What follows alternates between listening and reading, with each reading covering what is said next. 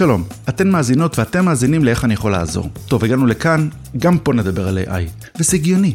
עולם השירות הוא מענפים שהושפעו, מושפעים ויושפעו הכי הרבה מ-AI. מצד אחד, שיא הטכנולוגיה ופוטנציאל התייעלות אדיר לחברות וללקוחות. מצד שני, יש סיכונים.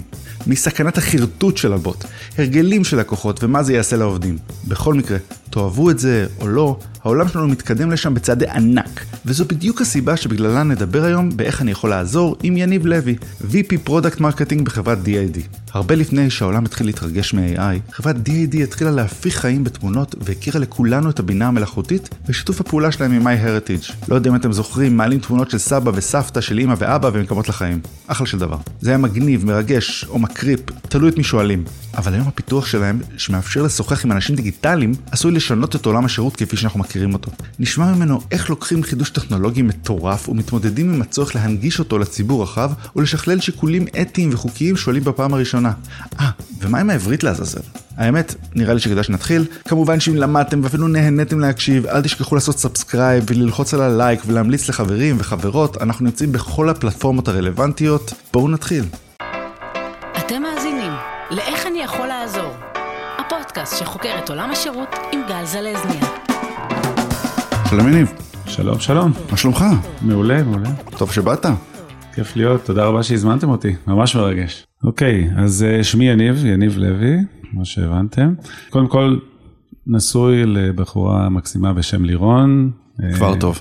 שלושה ילדים, אה, נוגה, דפני ויאיר.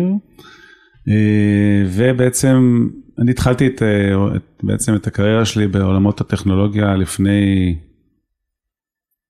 24 שנים, 23, 24 שנים, בחברה שנקראת RADVision, וזו חברה שמתעסקת בעולמות של ה video conferencing, התעסקה לפחות, אה, ושם התחלתי בתפקידי פיתוח אה, שונים ומשונים, אה, וגם הובלות של צוותי פיתוח, ובאיזשהו שלב, במהלך הקריירה שלי בפיתוח, בעצם הגעתי למצב שאני מתעסק הרבה מאוד עם לקוחות החברה, ממש הרבה. בין אם זה היה לפתור בעיות שלהם, בין אם זה לטוס לפגישות עם אנשי מכירות, בין אם זה לתמוך בהם, בין אם זה סתם לשמוע מה שיש להם להגיד, וגיליתי שאני ממש ממש מתחבר לצד הזה. והצד הזה בעצם היה די ברור לי שלשם אני רוצה ללכת, אה, ובאמת זה מה שעשיתי.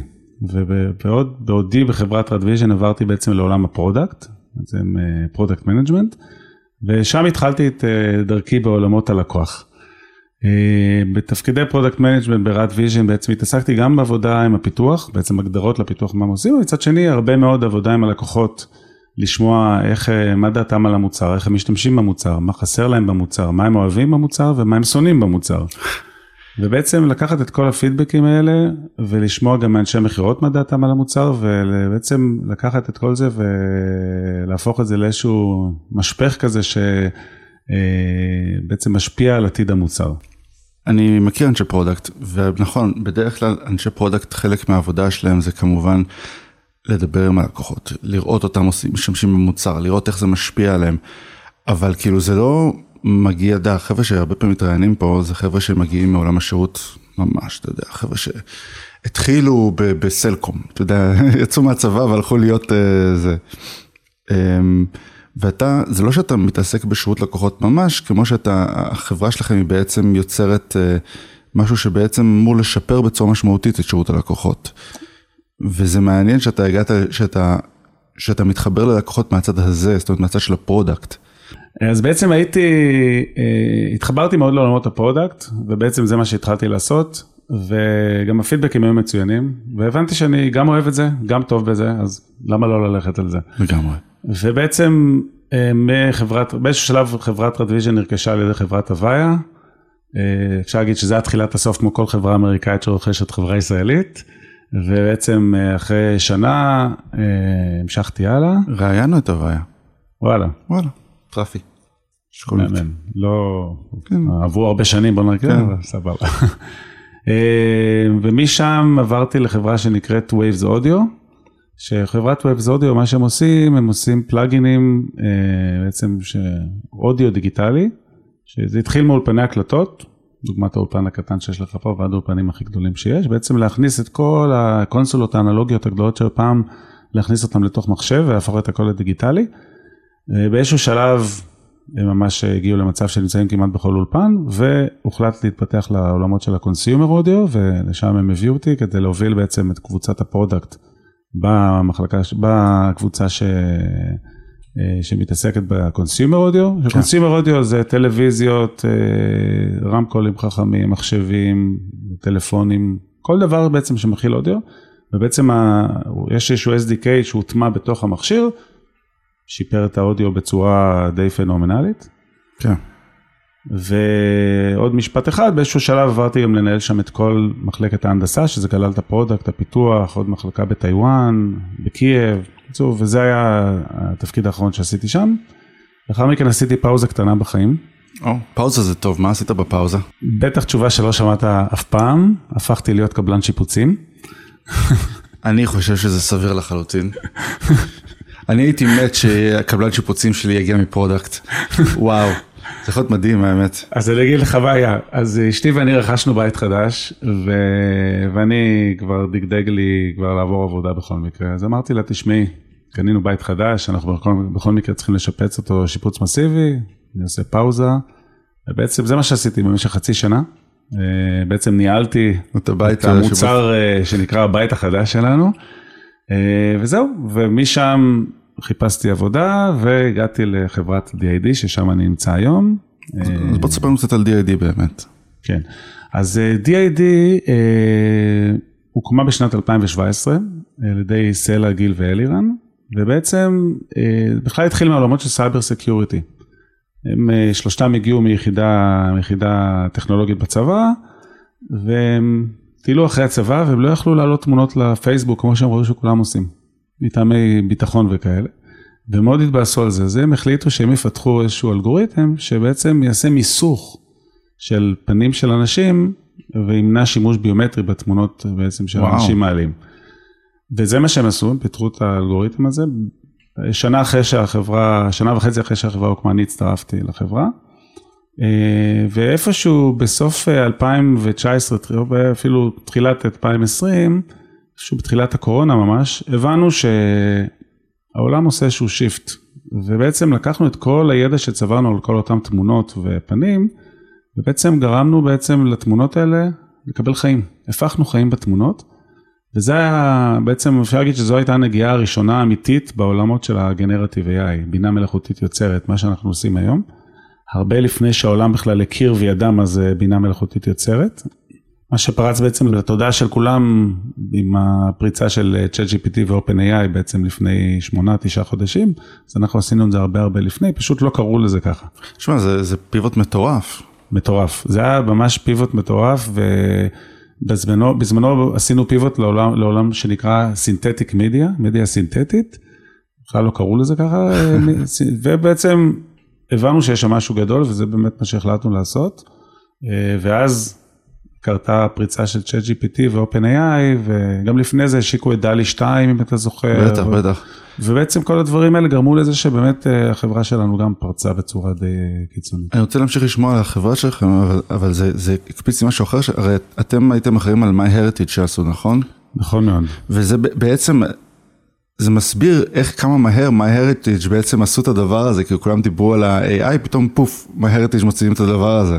תשמע, זה סיפור מדהים מה שקרה עם MyHeritage. אנחנו פיתחנו את הטכנולוגיה. רגע, למי שלא יודע, MyHeritage, קצת אחרי שהתפוצץ כאילו העניין הזה של ה-AI, פתאום הם הוציאו איזשהו פיצ'ר אה, שאתה יכול להכניס תמונות ישנות ובעצם הופך אותן להיות חיות. נכון. אז בעצם, זה הטכנולוגיה שפיתחנו, שלוקחת תמונה והופכת אותה לסרטון. עשינו על זה PR. MyHeritage ראו את ה-PR, פנו אלינו, ומשם השמיים היו הגבול. בעצם מה שעשינו איתם, הם עשו לייסנס כשהטכנולוגיה, הטמיעו את זה באתר שלהם, ובעצם נתנו לאנשים את האפשרות להחזיר לחיים את ה grand grandfather שלהם, וכל מיני דברים כאלה ואחרים, וזה הפך להיות ויראלי מיד. ממש מיד, זה כאילו היה סוג של גם market ו technology validation מבחינתנו, כי זו הפעם הראשונה שזה הושק בצורה פומבית, mm-hmm. ותוך זמן, תוך אה, ממש מספר חודשים נוצרו יותר מ-100 מיליון סרטונים. תשמע, בזה משהו מאוד מאוד אמ, רגשי בדבר הזה.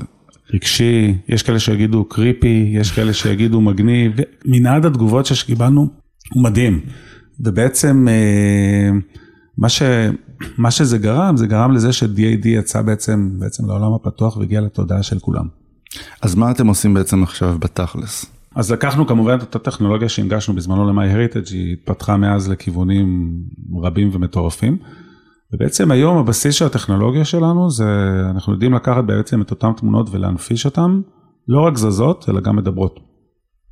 ובעצם אנחנו עושים את זה בכל שפה, אין מגבלות, ואנחנו מנגישים את זה בעצם ללקוחות שלנו בשני אמצעים עיקריים. קודם כל יש לנו סטודיו, איזושהי אפליקציה וובית שכל אחד יכול להיכנס אליה ולהירשם בחינם, מקבל איזשהו, איזושהי כמות של דקות בחינם, ולאחר הרישום יכול להתחיל ליצור, ליצור אה, סרטונים על סמך תמונות שהוא מעלה. בעצם אפשר להגיד שיש סוג של פלטפורמה שמאפשרת לאנשים להגשים את הפנטזיות שלהם בכל מה שקשור בתחום היצירה.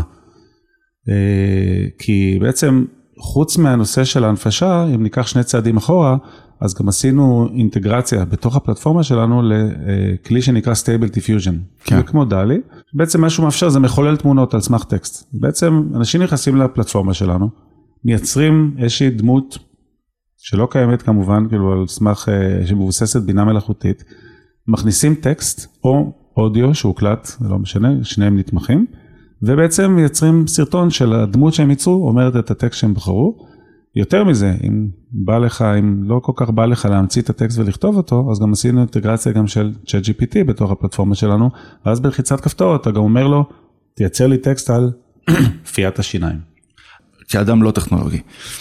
בעצם הטכנולוגיה שלכם זה לקחת תמונה ולהנפיש אותה, נכון? ואתם עשיתם איזשהו, לקחתם את ה-ChatGPT, Stable Diffusion בעצם, וגם את ה-AI שיוצר אה, טקסט לסאונד זה גם שלכם או שזה גם כן בעצם אינטגרציה של אה, משהו חיצוני? לא, זה בעצם אתה מדבר על text to speech, אז כן. אנחנו בעצם עשינו אינטגרציה של כמה ממנועי ה text to speech המובילים בעולם, ElevenLabs, כן, בטח, בטח. מייקרוסופט, אמזון. ואז בעצם הכנסתם את זה לתוך, ה... לתוך הפלטפורמה שלנו. שלנו, ואז בעצם עם, ה... עם היכולת שלכם לקחת את התמונה הזאת ולהפוך אותה ל... בעצם להנפשה, מקבלים את התוצאה הסופית. נכון. מגניב. ומה מה עוד חוץ מזה, כי זה הדבר הראשון? זה, זה בעצם הצורה הראשונה שבה אנחנו מנגישים את הטכנולוגיה, שזה דרך הסטודיו, שדרך אגב זה החל מה user הכי פשוט במרכאות שנכנס, כמו שאמרתי, לפלטפורמה ונרשם ומקבל דקות חינם, ואחרי זה עושה איזשהו subscription, מתחדש, ועד ללקוחות enterprise גדולים שמשתמשים גם בסטודיו כדי לייצר תוכן כזה או אחר. הדבר השני שאנחנו עושים זה בעצם קצת יותר טכני, זה מה שנקרא API, אנחנו מנגישים כן. API, זה ממשק אה, פיתוחי למפתחים, ובעצם אה, מאפשר לכל מפתח בעולם לפתח איזושהי אפליקציה כזו או אחרת, שמשתמשת, שמבוססת על הטכנולוגיה שלנו, אה, שבעצם הטכנולוגיה, ה-API הזה הוא נגיש לכל מי שרוצה, לכל מפתח, יש כבר עשרות אלפי מפתחים שמשתמשים בו, ממש ברגעים אלו יכול להיות שמישהו מפתח את הטיקטוק הבא ואנחנו אפילו עוד לא יודעים על זה. אה, ובעצם כולם, כל המפתחים האלה משתמשים בפלטפורמה שלנו כדי לפתח את האפליקציות אה, שהם חולמים עליהן. אז בעצם מפתחים משתמשים ב-API שלנו כדי לפתח, נקרא לזה בוטים דיגיטליים, צ'אט בוטים או אנשים דיגיטליים, שאתה ממש מנהל איתם שיחה חכמה בזמן אמת. בוא נניח היום אתה מתקשר לבנק ואתה רוצה לעשות איזושהי פעולה, זה כזה מאוד מאוד מסורבל, אתה מתקשר עד שעונים לך להכניס את הקוד שלך. ואז אה, זיהוי עוד פעם, ואתה מחכה על הקו לפעמים 10 דקות ורבע שעה וכולי. במקום זה, אתה לוחץ על כפתור בטלפון שלך, עולה מולך נציג דיגיטלי, והנציג הדיגיטלי הזה כבר מחובר למערכת הבנקאית, הוא יודע הכל עליך. הוא יודע את החשבון שלך, מה יש לך שם, מה התוכניות חיסכון, מה המינוס, הוא יודע הכל. ובעצם אתה עולה מולו ואתה שואל אותו שאלות, והוא עונה לך בזמן אמת תשובות מאוד חכמות. כן. למה, איך הוא יודע לענות תשובות חכמות? כי הוא פשוט אומן מראש על כל מה שקשור במערכת הבנקאית ובחשבון שלך גם ספציפית. אז הוא יודע לענות לך על הכל, הוא יודע לעשות לך את כל הפעולות שאתה מבקש בחשבון, ואתה מנהל איתו שיחה בדיוק כמו שאתה, ונה, כמו שאתה ואני מנהלים שיחה עכשיו, ממש אותו דבר. אתה מודע לזה שה... שהוא בעצם AI? כן, זה, אין, אין שום כוונה להסתיר את הדבר הזה כמובן. זה... כרגע אנחנו בפיילוטים עם לא מעט גופים בעולם, השקנו את הטכנולוגיה רק לפני מספר חודשים, אז כרגע בונים POCs, אבל uh, אני מניח שבקרוב אתה גם תשמע על כל מיני שירותים שמבוססים על זה. אז בוא בעצם נדבר על הדבר הזה, על שירות בעזרת AI, בעזרת אבטאר, זה, זה קונספט מטורף, ובוא נדבר על בעצם למה צריך את זה ואיך משתמשים בזה ואיך אתם עושים את זה בעצם. נתחיל באיך עושים את זה. אז הבנייה של אה, בעצם שירות באמצעות נציג אה, מבוסס בינה מלאכותית, מורכב משני, יש שני מרכיבים עיקריים לפתרון הזה. קודם כל, יש את מה שנקרא בשפה המקצועית LLM, זה large language model, בעצם איזשהו מודל שפה מאוד גדול, שאימנת עליו מכונה. שהמכונה, כלומר, לצורך העניין, דיברנו על הבנק, נכון? אז יש איזשהו, תחשוב, אוסף של מסמכים, סרטונים, טקסטים, כל דבר שאתה יכול לדמיין, שאתה מזריק את כולם לתוך איזושהי מכונה, שלומדת את כל, בעצם, את כל החומרים האלה, ומאותו רגע בנית איזשהו מודל, שהמודל הזה הוא מומחה בכל מה שהוא מוזכר במסמכים האלה. כלומר, אין פרט הכי קטן שהוא לא יודע. בעצם, אז זה דבר אחד, ובעצם למודל הזה, אתה בעצם בונה איזושהי יכולת של להזריק לו שאלות ולקבל חזרה תשובות. איך אתה עושה את זה? זה גם באמצעות API דרך אגב, כשבונים את המודל אז גם מנגישים אותו בצורה כזאת, זה מיועד למפתחים, בסדר? ואז בעצם המפתח ניגש למודל שפה הזה ושואל אותו איזה שאלות שהוא רוצה וגם מקבל חזרה את התשובה. אז בעצם, אז זה קומפוננטה אחת. קומפוננטה השנייה זה קומפוננטה של, של DAD. בעצם אנחנו לקחנו את הטכנולוגיה שלנו שיודעת להנפיש אה, פנים של אנשים, ובעצם הנגשנו אותה בצורה כזו שהיא גם מאפשרת לך לעשות את הכל בזמן אמת. כלומר, היום, תדמיין שאתה עכשיו מתחיל לצפות בסרטון יוטיוב, אתה פותח את הסרטון, וישר מתחיל לצפות בו, נכון? נכון. ברקע נכון. הוא מוריד. כן.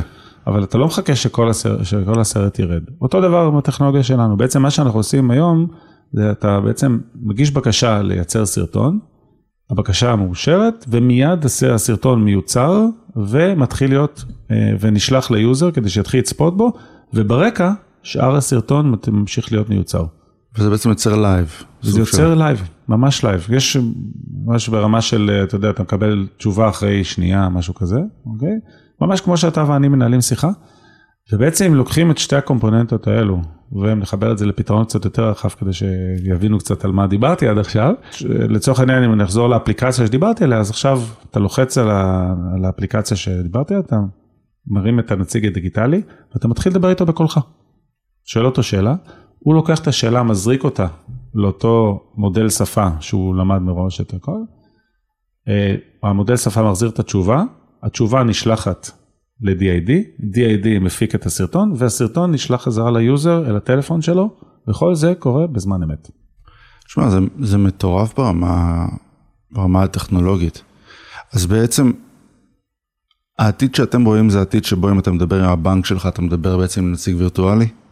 אה, כן, זה חלק מהעתיד שאנחנו רואים אה, לגמרי, אה, וזה כלומר זה אפילו כבר מתחיל להיות כאן, כלומר זה חצי עתיד. כאילו יש צ'טבוטים. חצי הווה כבר, כי צ'טבוטים יש היום אין סוף, כן? כל אתר שאתה נכנס אליו היום, כל, אה, תמיד יש צ'טבוטים, אבל הבעיה עם הצ'טבוטים האלה זה צ'טבוטים שהם במרכאות טיפשים. נכון. זה מבוסס על איזשהו עץ החלטות, נכון? כמו שאתה נכנס עכשיו, נגיד, אתה רוצה להזמין פיצה, אז הוא שואל אותך איזה פיצה, בצק בצק עבה, בצק דק, ואז אתה ממשיך, ואז הוא יורד בעץ ההחלטות עד שהוא מגיע לשלב שבעצם באמת הזמנת פיצה. פה במקום זה אתה פשוט עולה לך נציג דיגיטלי, אתה אומר לו אני רוצה להזמין פיצה עבה עם זיתים, עם בצק עבה, ושתהיה מוכנה בעוד חצי שעה, וזהו. זה דבר מדהים כשלעצמו, והאמת שקצת נתחל, אני יודע שאנחנו בקוויסי, יש לי את החברה של קוויסי, אבל התחלנו להתעסק עם זה דרך אינטרקום, רעיון של להזרים אה, בעצם דברים, אבל יש, יש שני דברים שמעניינים אותי. אחד, זה ברמה הטכנית, שפחות קשורה לחברה שלכם, אבל מן הסתם אתה מבין בזה, אז הייתי מאוד רוצה לשמוע על זה. הפחד מחרטוט. הרי כל הברד וצ'אט GPT הם ידועים בחרטוט. ועם המון גם כן ביטחון עצמי, הם נכון. מחרטטים. היום כאילו חברה יכולה לסמוך שלא יחרטטו את הלקוח שלהם? זו שאלה מדהימה. אה, תראה, יש, אז בואו ניקח, נראה איזה מודלי שפה יש בעולם. יש מודל שפה כמו ChatGPT ובארט, שזה מודל שפה גנרי, שבעצם מה שעשו, אימנו אותו על כל מה שקשור בעולם, כל מה שקיים בעולם התוכן של האינטרנט, וגם יותר לפעמים, אבל גם לימדו אותו, במידה ואתה לא יודע את התשובה, תמציא. Mm-hmm. בסופו של דבר זה מחליף בן אדם, אז כמו שאתה מלמד בן אדם, הרי תיקח ילד קטן, אז ילד קטן בהתחלה הוא לא יודע, הוא תמיד אומר את האמת, הוא לא יודע, אבל אז לאט לאט הוא גדל והוא יודע שלפעמים הוא צריך להמציא דברים, אין מה לעשות. אז אותו דבר עם מודל שפה, אז מודל שפה גנרי, אמרו לו מראש, כשאתה לא יודע, תחרטט. במקרה שלנו, שאנחנו מדברים עליו פה, אז אתה מדבר על מודל שפה שהוא לא גנרי, זה מודל שפה שהוא ספציפי, שהוא נבנה במיוחד ל-use case שאתה מדבר עליו. כלומר, לצורך העניין ניקח שוב את הדוגמה של המערכת הבנקאית, אז הוא ידע, הוא יודע כל מה שקשור במערכת הבנקאית. אבל אם עכשיו תבוא תגיד לו אני רוצה להזמין פיצה, הוא יגיד לך, אני לא יודע מה זה אומר, הוא לא ימציא. כי מראש אימנו אותו להגיד שאתה לא יודע, תגיד שאתה לא יודע, אל תמציא. והוא לא עושה אינטגרציות לדברים שאומרים לו, נגיד אם הוא יודע א', הוא יודע ב', ואז הוא... שום דבר שאמור לחבר ביניהם, הוא לא מחבר ביניהם. אז פה אתה כבר מדבר על מודלי שפה קצת יותר מתקדמים שמשלבים כמה עולמות תוכן. זה עולם מאוד מתקדם, הוא, הוא ממש, אני אגיד בחיתולים, אפילו עוד לפני החיתולים, זה ממש ממש קורא מאור וגידים בימים אלה, שזה אומר בעצם, שוב אני חוזר למערכת הבנקאית, אז, אז לימדתי את, בעצם אימנתי מודל שיודע את הכל על המערכת הבנקאית, אבל אני יכול גם ללמד אותו להזמין פיצה. Mm-hmm. כלומר, אני יכול לשלוט על עולמות התוכן שהוא יודע, אני יכול גם, תיאורטית גם לחבר אותו לעולם האינטרנט הפתוח. ואז הוא כבר ייכנס למוד, לחצי מוד חרטוט, כן. כי הוא כבר ידע את הכל, ואז כבר שם, אם יש משהו שהוא לא יודע, אז יכול להיות שהוא יתחיל לחרטט. אז זה דבר ראשון שמאוד מעניין. דבר שני, יותר קשור באמת למה שאתם עושים ספציפית. יש לכם גם מחקרים שמראים בעצם שיש צורך בדבר הזה? זה נשמע יותר גס ממה שהתכוונתי, כן? אבל כאילו, הרי כמו שדיברנו על MyHeritage, זה לא גם קצת creepy? זה טוב, זה, ש, זה שני דברים נפרדים לגמרי, אבל אני אענה על, ש, על שתי השאלות. קודם כל, לגבי MyHeritage, אני יכול לגלות לך סוד פה, לך ולצופים והמאזינים, שלפני שהשקנו את MyHeritage, מאוד חששנו. מאוד חששנו מהתגובות. בדיוק מה שאתה אומר, היה כזה סוג של, אה, אתה יודע, ניסיון לפני, סוג של beta testing מאוד מצומצם וסגור, וקיבלנו כל מיני תגובות. זאת אומרת, שזה קריפי, שזה מפחיד, שזה מגניב, הרבה מאוד תגובות. ואנחנו מאוד חששנו מהשקה. ובסופו של דבר, לאחר שההשקה הייתה כזו מוצלחת, אז כמו שאמרתי, זה היה מבחינתנו סוג של ממש ולידציה לטכנולוגיה שלנו ולשוק שאנחנו הולכים אליו. ואז החשש התפוגג, וזה היה מעולה. לגבי השאלה השנייה ששאלת, בוא נסתכל על זה רגע מכיוון אה, טיפה שונה. אז לצורך העניין, יש לי עכשיו אה, שירות לקוחות, חברת ביטוח, שירות לקוחות, נגיד יש אה, אלף נציגי שירות, כל נציגי השירות יש, יש הרבה מאוד עבודה סיזיפית, נכון? שחוזרת על עצמה ושהיא, אה, ושהיא מתחילה להיות משעממת לפעמים, ויש גם עבודה שהיא קצת יותר מעניינת. יש עבודה מול לקוח שהוא לקוח שמח ויש לו עבודה מול לקוח עצבני, יש אה, לפעמים צריך אסקלציות וכאלה.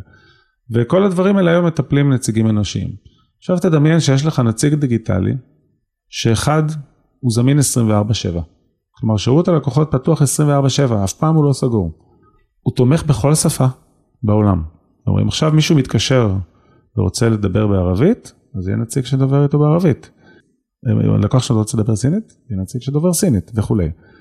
דבר נוסף, אני חושב שכשאתה מאמן את אותו מודל שפה, שידע בעצם את כל מה שקשור, שקשור לעולם הביטוח ולעולם התוכן שאנחנו מדברים, אז הוא יהיה בעצם נציג השירות הטוב ביותר שיש לך. הוא יודע הכל, הוא אומן על החומרים הטובים ביותר, כלומר מ-day one הוא הנציג הכי טוב שיש לך. דבר נוסף, נציגים דיגיטליים הם לא מעורבים רגשית.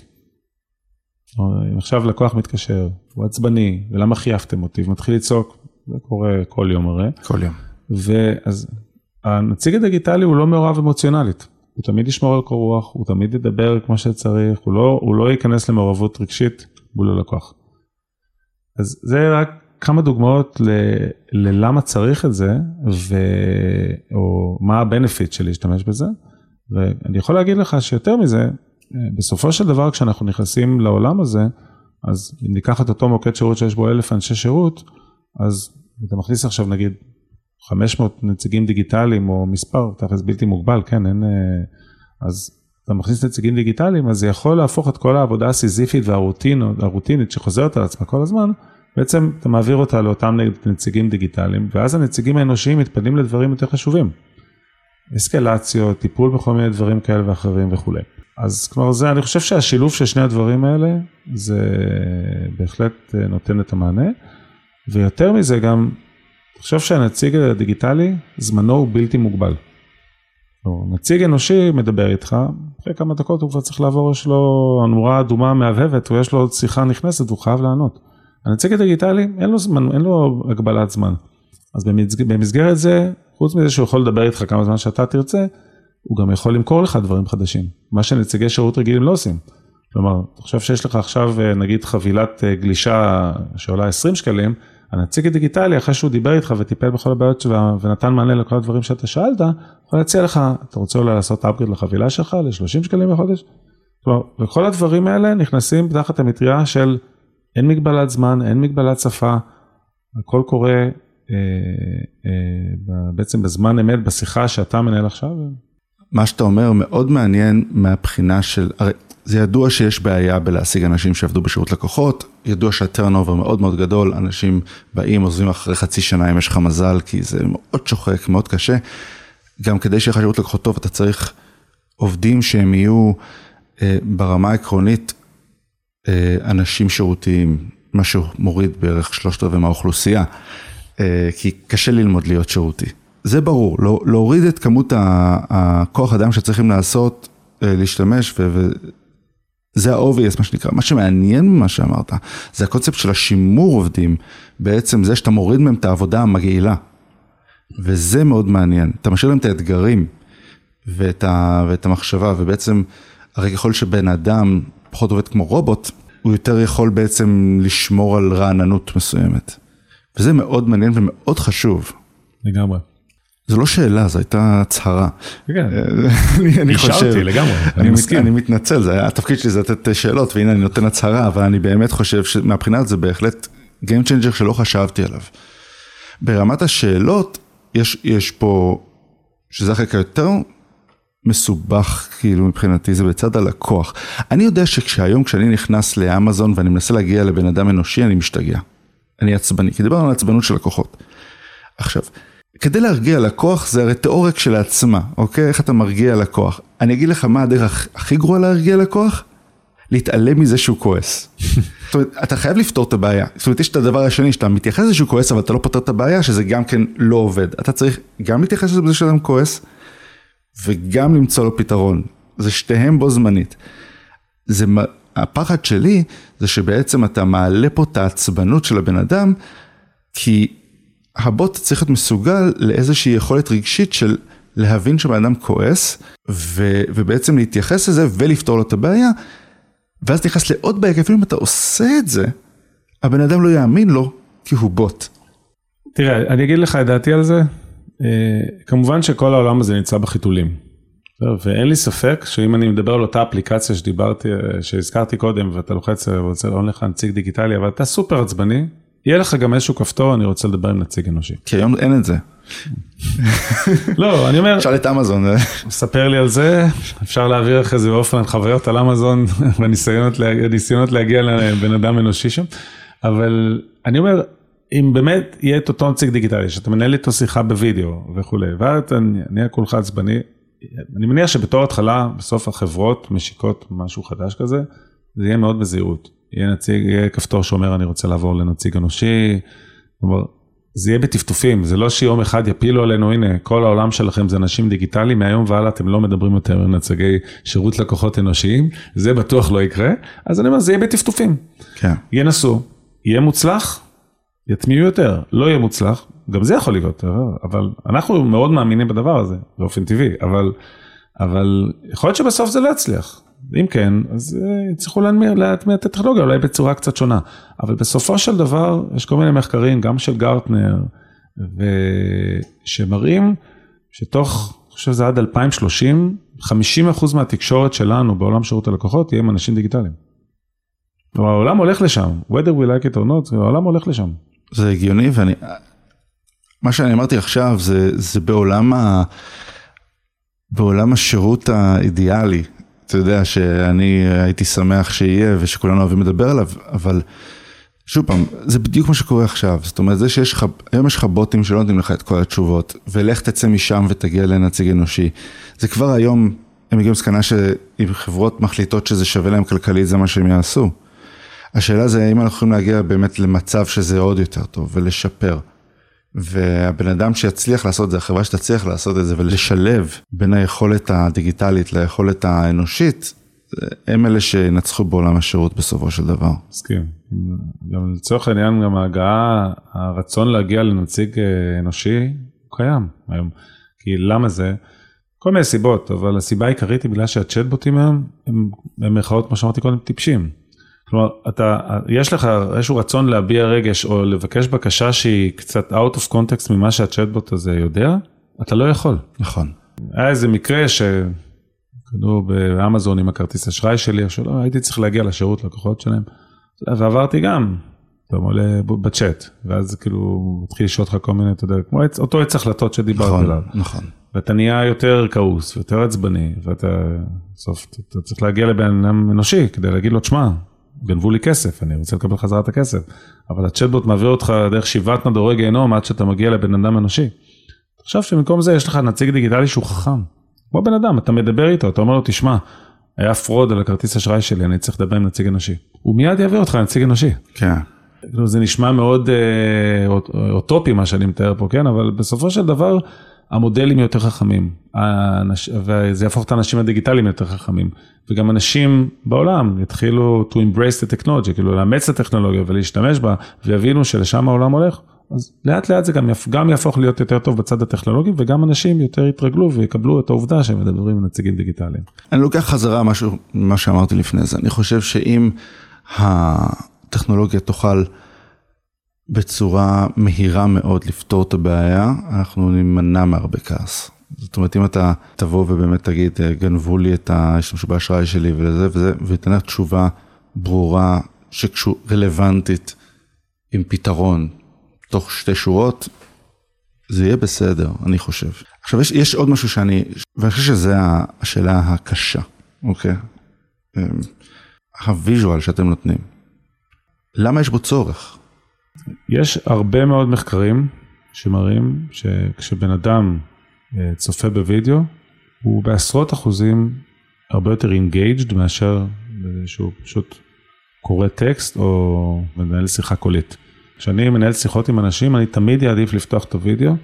כשאני רואה את הבן אדם, זה נותן לי איזשהו ביטחון, שיש מישהו בצד השני, אני, מנהל, אני גם רואה את התגובות שלו, זה מעלה, זה גם מחייב אותך להיות הרבה יותר focused ו engaged בשיחה, כי רואים גם אותך. אז אין ספק, ויש הרבה מאוד מחקרים שמראים שווידאו מעלה את ה engagement.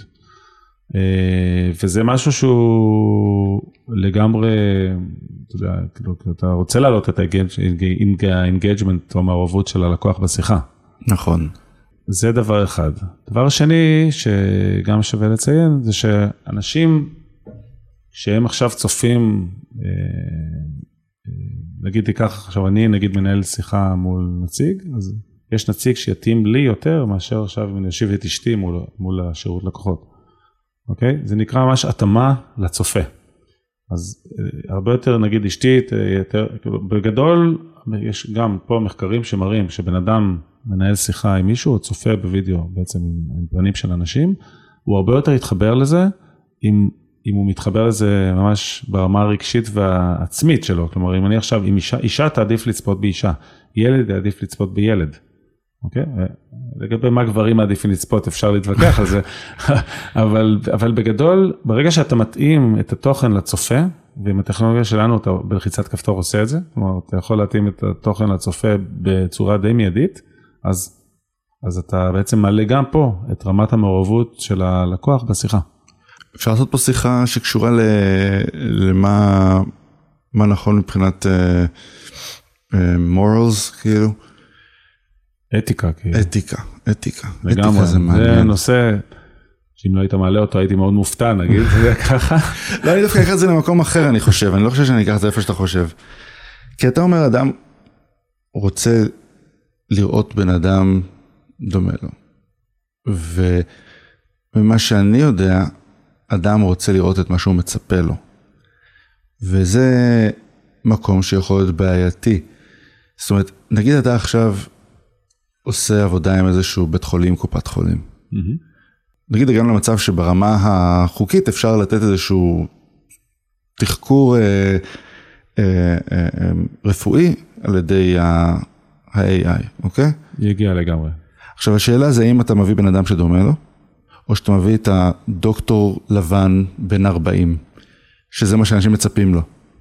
אה, ומרגישים אגב, לפי, לפי מחקרים מרגישים יותר בנוח, מול, שזה אגב מטומטם לחלוטין, כן, אני רק רוצה להגיד, כן, אבל מה שנקרא, אנחנו מדברים פה על, על, על, על זה, אלא מה קורה בפועל, אנשים יותר מרגישים תמיד בנוח מול רופא לבן בן 40. תראה, התשובה לזה היא מאוד פשוטה בעיניי. בסופו של דבר, מי שיבנה וינגיש את השירות הזה, זה לא אני, זה לא DID. אני רק נותן את הטכנולוגיה. אם, אם אותה חברה רפואית מחליטה להנגיש אה, רופא גבר לבן בן 40, כמו שאתה אומר, זה כבר החלטה שלהם. אני לא עכשיו נכנס לעניינים כאלה של אפליות או כל מיני כאלה, כי זה באמת לא... בסוף נותן השירות הוא זה שיחליט איך להנגיש את השירות. כן. אז כאילו אם זה מה שהם יחליטו, אז זה מה שהם יחליטו, אני לגמרי אין לי שליטה על זה. מה שכן יש לי שליטה עליו, זה לאסור דברים אסורים. יש הרבה דברים אסורים. לא, לצורך העניין, ניקח מקרה, לא תגיד עכשיו אני רוצה לנהל שיחה עם אישה ערומה, כן. אוקיי? אז ברור שהפלטפורמה שלנו חוסמת את זה בצורה מיידית, אתה לא תצליח לעשות את זה. או אני רוצה לנהל שיחה עם טראמפ. זה גם יחסום, כי זה חוסם שימוש באנשים שהם נחשבים מפורסמים.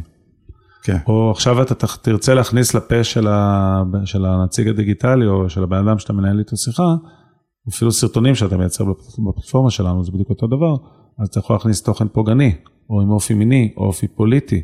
כל הדברים האלה נחסמים מיידית ברמת הפלטפורמה. כלומר, אתה לא תצליח לעשות את זה. זה חלק מה... נקרא לזה. מדגל האתיקה שמונף מעל החברה שלנו.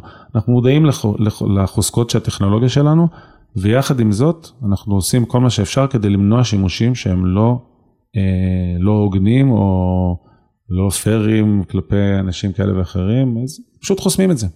זה חסימה אוטומטית, אגב, זה לא שעכשיו מישהו יושב וצופה, כלומר יש לנו שירותים שאנחנו משתמשים בהם מאוד מאוד חזקים, שיודעים לסרוק תמונות, לסרוק טקסטים, לסרוק אודיו, ובעצם לחסום כל שימוש שהוא נחשב שימוש לא נאות בפלטפורמה שלנו. נגיד אתה עכשיו אה, בשיחה עם, אה, עם אה, אמזון ואתה רוצה לבקש החזר על משהו והם לא מסכימים, ואז אתה אומר לו, בוא נגיד שאתה, מישהו שרוצה להשיג את ה... כמו שעושים ל-AI, אתה מישהו שרוצה להשיג את, ה, את ההחזר הזה, ואתה מכיר את כל מה שקורה בפנים באמזון. איך היית מציע לי לבקש את זה? אז תראה, אם היית שואל שאלה כזו את ChatGPT, שכולם עושים דברים כאלה היום, אז כנראה שהיית מקבל תשובה כזו או אחרת, שמח...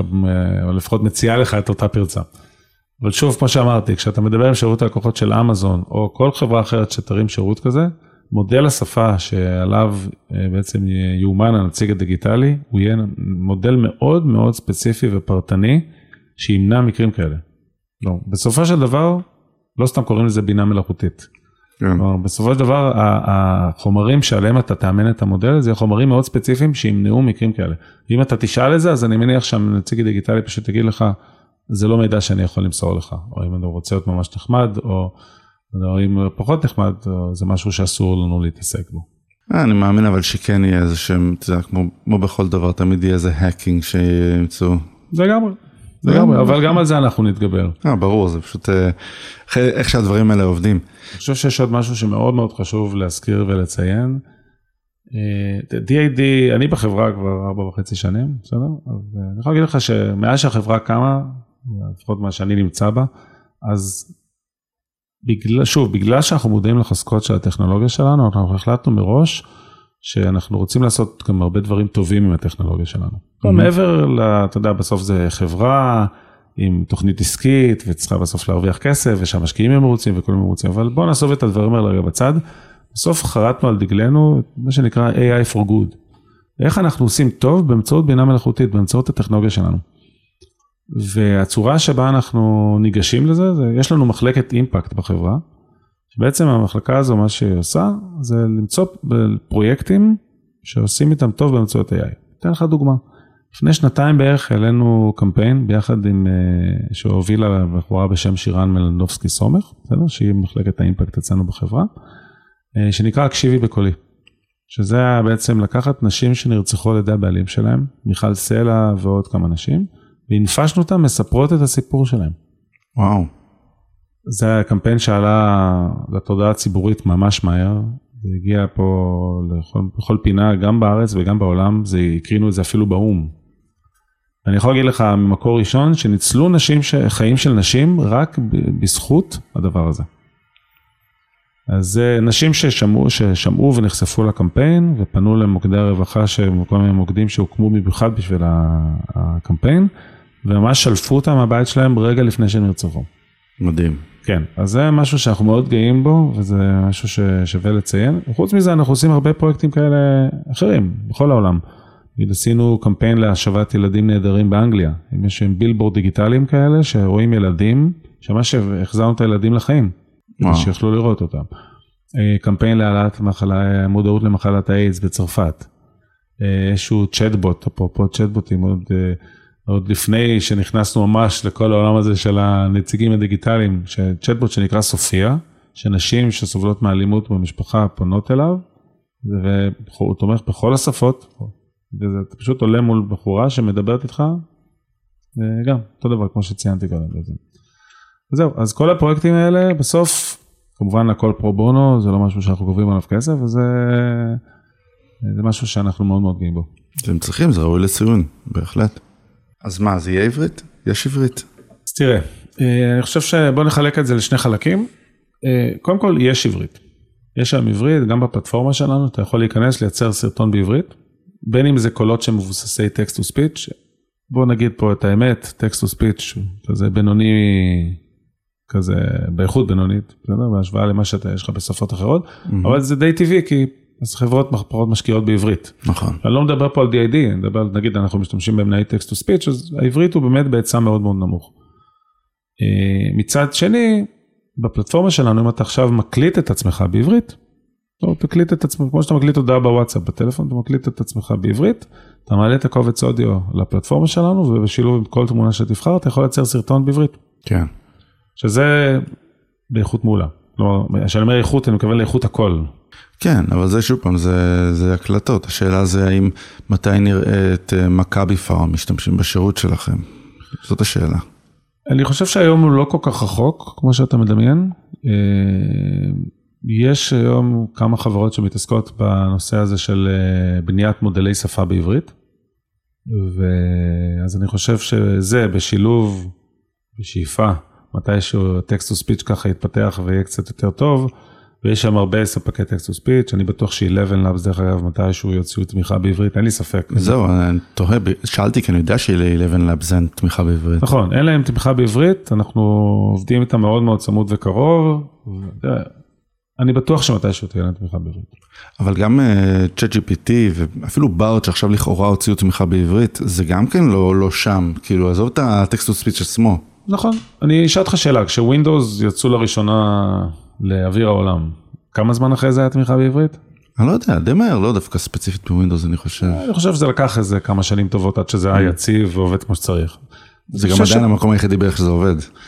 אז אני חושב שזה אותו דבר, דרך אגב. כאילו צ'אט GPT כבר היום עובד נגיד, שהוא בינוני מינוס כזה כן. בעברית.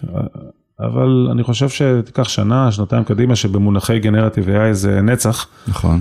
אז אני חושב שדי מהר אנחנו נגלה גם תמיכה בעברית. שוב, לא, אני לא אומר את זה מידיעה, אני אומר את זה מתוך, uh, מהנחה. Uh, בסוף זה יגיע.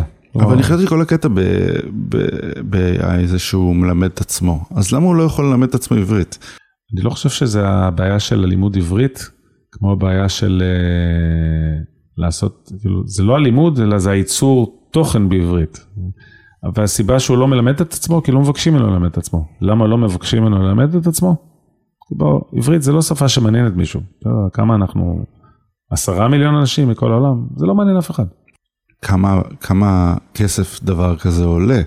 אם מדובר בכוח מחשוב, אומרים לו, הנה, קח את כל הטקסטים בעברית שיש בעולם ולך תלמד. אני אגיד זה ככה, קטונתי כנראה, אתה יודע, כן. אבל, אה, אבל מקבלי ההחלטות כנראה מחליטים, ובצדק, ברוב המקרים, לא להשקיע בעברית. עזוב עברית, ערבים, אתה יודע כמה ערבית יש בעולם? הרבה. ועדיין ה-right to left הוא זוועה. אז כאילו אם אפילו את ה-right to left לא סידרו, ויש באמת, יש שוק, אז כאילו, מה, מה אנחנו נגיד? שאלה טובה, זה כל מה שאני יכול להגיד. אני בדיוק כמוך מקווה לראות תמיכה יותר טובה בעברית, אבל, אה, אבל כמו שאני אומר, שוב, יש חברות בארץ שהן מתעסקות בבניית מודלי שפה כאלה, ואני חושב שבסופו של דבר, ברגע שהדברים האלה יעבדו טוב, זה ידחוף את החברות גם להשקיע בעניין הזה שגם שהטקסט הוא ספיץ', ובכלל, שוב, זה הנחת העבודה שלי, אבל אני מניח שזה שם זה יהיה. תשמע, אני כזה עצלן שהייתי מת, כאילו, שאת כל ה intro-אים שלי פשוט אני אקליט, ופשוט יראו אותי מדבר, ואף אחד לא ידע שזה לא אני. ו... אפשר לדבר על זה offline, אנחנו יכולים לייצר לך איזה אבטר אם אתה רוצה. אלא אם כן avatar-ים ממש כמוני, אני לא יודע אם זה יעבור. ממש כמוך, אתה לא יכול לדמיין כמה שיהיה כמוך. אולי נעשה לפרק הזה אחד כזה. אפשר? או, הנה, רעיון, לא חשבתי על זה. מצוין. אני חושב שיש עוד דבר אחד ששווה לדבר עליו, זה אותו פחד שיש לאנשים מבינה מלאכותית, ומזה שכל יום יש כתבות בטלוויזיה וברדיו וכל המקומות על זה שאומרים שזה, שמקומות עבודה ייעלמו, ושזה ייקח, ייקח לאנשים את העבודה שלהם וכו'. תראה, בסופו של דבר, כמו כל דבר בעולם, זה טכנולוגיה, טכנולוגיה חדשה שאנחנו צריכים לאמץ אותה. אה, לאמץ אותה זה אומר להתחיל להשתמש בה. שוב, אני לא, נתחיל מהאנשים הטכנולוגיים, בסדר? שמשתמשים עם זה, מעצבים, כותבי תוכן, כלומר, אתה יודע שהם יכולים להשתמש בכלים האלה כדי לשפר את העבודה ולייעל אותה. מצד שני, אין תחליף למגע האנושי בדברים האלה. אז זה לא שאני באמת חושב שזה יחליף אנשים, אני חושב שזה פשוט ישפר וייעל את התהליכים שלהם. אז אני חושב שאנשים במקום לפחד מהטכנולוגיה, הם צריכים לאמץ אותה ולהתחיל להשתמש בה ולהכיר אותה. ולפחות אנחנו בצד של D.A.D מנסים להנגיש את זה בצורה הכי פשוטה שיכולה להיות, כדי שאנשים באמת יכולים להתנסות בזה, אבל... אה, תשמע, אנחנו דיברנו על זה הרי על הקטע של, אה, של באמת הנושא שלנו ספציפית, של אה, אנשי שירות לקוחות, הרי יש בזה צורך. זאת אומרת, אנשים שבאים לעבוד בשירות לקוחות זה לא סתם שלא מחזיקים הרבה זמן, זה לא עבודה שאנשים רוצים לעשות, זה לא עבודה שקל להשיג בשביל האנשים, שיש, שצריך בשביל הרבה אנשים ואין. ואני חושב שזה רק ישפר את המצב אה, של אנשי שירות הלקוחות שבאמת אוהבים את העבודה ורוצים לעשות אותה. יעשה להם את החיים יותר קלים, יעשה את החיים... ואני ש- גם שמעתי, אה, קראתי איזה משהו שמישהו כתב שהיה מאוד מעניין, שהוא אומר, כל פיתוח שאי פעם היה, כל מה שחשבו שהוא ייקח לאנשים את העבודה, כל מה שהוא עשה זה לגרום לאנשים להיות מסוגלים לייצר יותר דברים. זה מעולם לא שכמות היצירה נשארה אותו דבר, פשוט מספר הדברים שאנשים עשו ירד, אלא ככל שיש יותר קל לעשות דברים, ככה בני אנוש מייצרים יותר דברים. כי זה מייעל את העבודה ואת התהליכים, ואז זה בעצם באותו זמן נתון, אתה יכול לייצר הרבה יותר דברים. בדיוק. לגמרי. ובדבר אה, מאוד אה, אופטימי זה, כי אין לנו ברירה אלא להיות אופטימיים. לגמרי. תודה רבה שבאת, תודה רבה שאירחתם אותי. היה מאוד מעניין. גם לי. תודה רבה. תודה ליניב לוי. על ההפקה יש לנו את אלעזר סלוטקי, על המוזיקה המעולה עידו מימון ואת הוידאו עורך אמיר בוקסבאום. נהניתם מהפרק? הדרך הכי טובה לעזור זה לדרג באפליקציית הפודקאסטים שלכם, או אם אתם צופים בנו ביוטיוב, ללחוץ לייק ו subscribe. והכי חשוב זה לספר לאנשים שאתם חושבים שיכולים להפיק ממנו תועלת. תודה.